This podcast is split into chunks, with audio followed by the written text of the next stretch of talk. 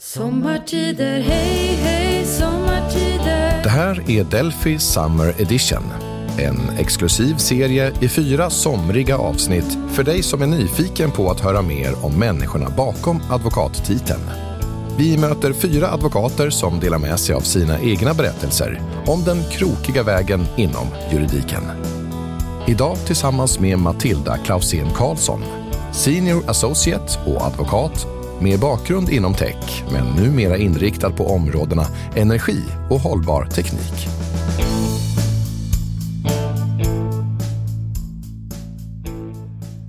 Hur ofta reflekterar du över vad det är som driver dig? Vad det är som motiverar dig? Jag funderar över min drivkraft och inre motivation varje dag. I allt jag gör.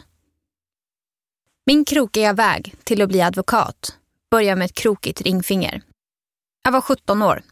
Hästtokig. Jag lade nästan all min fritid i stallet. Och sen spelade jag lite fiol också. Det viktigaste en violinist har, det är fingrarna på den vänstra handen. Det hade vi fått poängterat för oss många gånger av lärarna på musikskolan. Tänk på alla risker att skada oss som vi utsatt oss för genom våra idrotter. Tänk om något skulle hända. Till våra musiklärares förtret så höll jag också på med hästar. Hästen, här underbara djuret med sina stora, fina ögon. Det är ett fantastiskt djur. Så stort och flyktigt, men ändå så snällt och lojalt. Om du har en häst på din sida kommer den alltid ställa upp på dig. Men om något går fel kan det bli väldigt farligt väldigt fort. Det är stora djur, skapade till att fly minsta lilla fara. Det kan vara en prasslande påse, en sten med mossa i skogen, ett paraply. Allt det där, det kan vara livsfarligt och då smäller det snabbt. Det formar dig som hästmänniska till att tidigt bli noggrann och förutseende. Det innebär också att du hela tiden måste tänka på nästa steg och själv hålla dig lugn. Den här morgonen skulle jag släppa ut hästarna i stallet där jag hjälpte till på helgerna. En av hästarna sprang iväg när jag skulle leda ut honom till hagen. Han drog omkull mig och skenade iväg en bit. Jag slog mig rätt rejält när jag ramlade och var lite omtöcknad en stund. När blicken klarnat lite och jag såg upp så såg jag honom ståendes längre bort vid skogsbrynet. Där stod han still, väldigt nöjd över att ha hittat lite gräs att äta. Ja, jag var mindre nöjd såklart. Men framförallt så var jag tacksam över att jag inte tappat medvetandet och att hästen inte sprungit allt för långt bort. När hästen var infångad och släppt i sin hage, då bar det av till akuten. På vägen dit började det göra rejält ont i min vänstra hand och jag blev illamående. Mina fingrar såg lite konstiga ut. Så jag borde redan då ha insett att jag nog skadat mig en del. Väl på akuten meddelade läkaren som undersökt mig att jag har ett flertal frakturer och lösa benbitar i framförallt mitt vänstra ringfinger. Vi ska såklart göra vad vi kan, sa han. Det lät ju ändå positivt tänkte jag. Det är ju bara ett finger. Det här kunde ha varit värre. Det blev en operation dagen efter och några veckor med gips. Därefter en operation till. Läkarna gjorde nog vad de kunde, men mitt ringfinger, det förblev krokigt och stelt. Oh, Susanna, don't cry for me. We had some good years, so let me be. Dear friends and gentle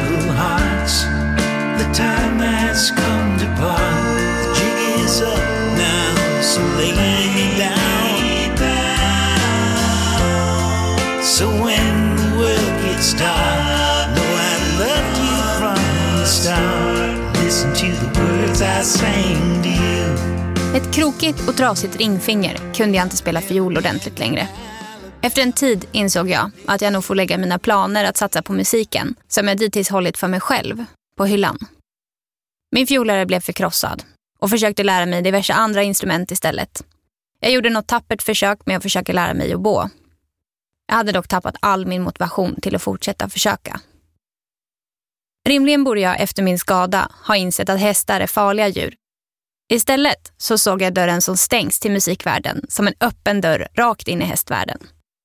Efter gymnasiet så valde jag därför att spendera knappt tre år med att jobba som ryttare och stallchef i Sverige och utomlands. Jag red alla hästar jag kom över och jag hade dessutom till och från några egna hästar som jag red på kvällarna. Jag hade ingen tid över till något annat, men jag hade ett mål och det motiverade mig att fortsätta. Det var värt det. Efter en tid så kände jag att jag ville tävla mer och satsa på mina egna hästar och min egen utveckling som ryttare. Jag funderade länge på hur jag skulle ha råd. Att ha häst är rätt dyrt och det tar mycket tid. Jag insåg i alla fall att jag behövde skaffa mig en utbildning för att det ska funka i längden. Jag kan ju inte leva på luft. Men vad skulle jag plugga till? Ja, det visste jag inte just då. Men jag hade alltid varit fascinerad av siffror och fysik. Efter att ha famlat ett tag och funderat en hel del läste jag en bok om Dag Hammarskjöld. Jag blev så inspirerad av hans arbete. Han var ju jurist. Det är det jag ska bli, tänkte jag. Sagt och gjort. Jag sökte och kom in på juristprogrammet i Örebro. Det var bara i Örebro jag kunde plugga om jag skulle ha mina hästar kvar. Och så blev det. Already packing. Come with me, I'm not really asking. We'll get away to a place where we don't know.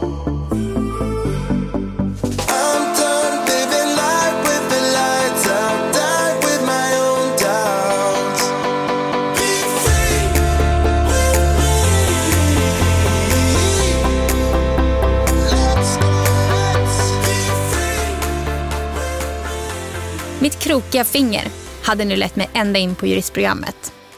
Jag hade mina två hästar, Karin och Kalle, vid sidan av studierna. Tävlade lite grann och jobbade extra i butik på kvällar och helger för att få det hela att gå runt ekonomiskt. Det var inga problem tyckte jag. Jag hade mycket att göra. Men jag var mer motiverad än någonsin till att bli jurist och samtidigt fortsätta utvecklas som ryttare. Åren gick förbryllande fort. Men det kanske är så när dagarna är fyllda av saker som motiverar en. Det är därför jag tycker det är så viktigt att fundera över vad ens inre drivkraft är och varför du väljer att ägna tid åt någonting. Mot slutet av juristprogrammet började jag fundera på vad jag skulle skriva om i mitt exjobb.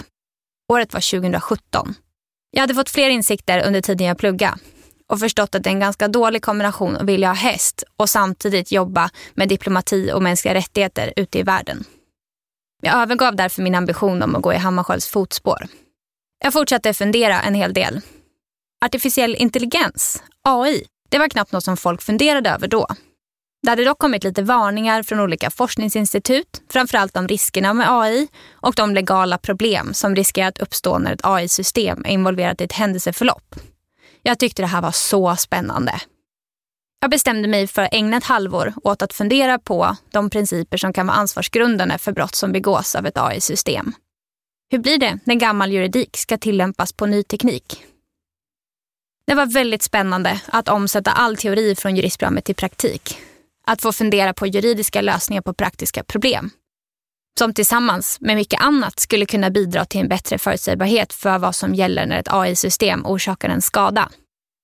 Halvåret med exjobbet, det bara sprang förbi. Jag var så motiverad till att bidra till att hitta en lösning på ett praktiskt problem. Jag gjorde visserligen en juristklassiker och skrev en ganska lång uppsats. Men jag lärde mig väldigt mycket och är framförallt väldigt stolt över vad jag åstadkom, om jag får säga det själv.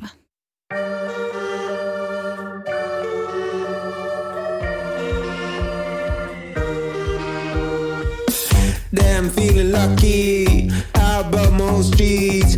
Us two in these trees. Diamonds on my feet. Caught up in these talks. Circling my head top. Should've been more cautious. Now I got what I wanted. Many of it.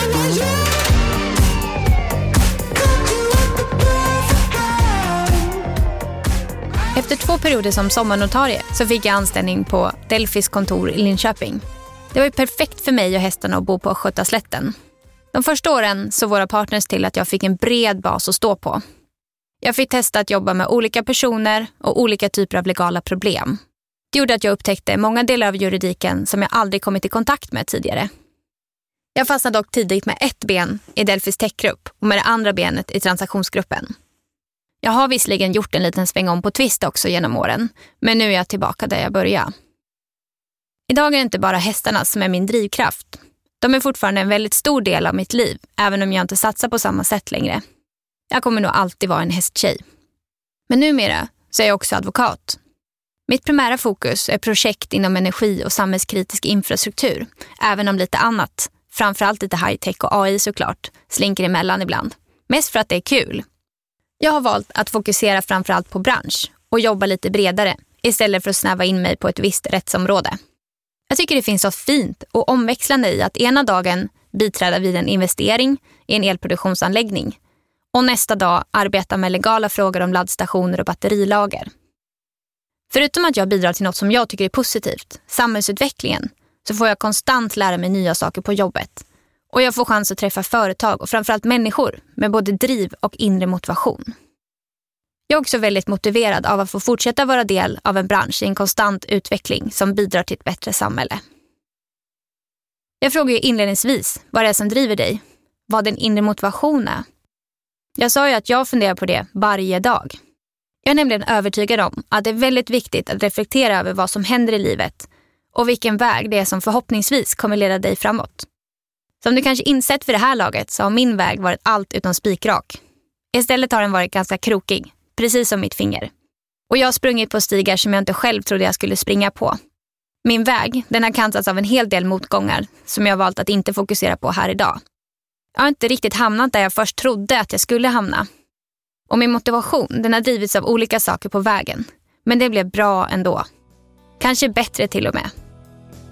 Jag heter Matilda Klausén Karlsson och jag önskar dig en fin sommar.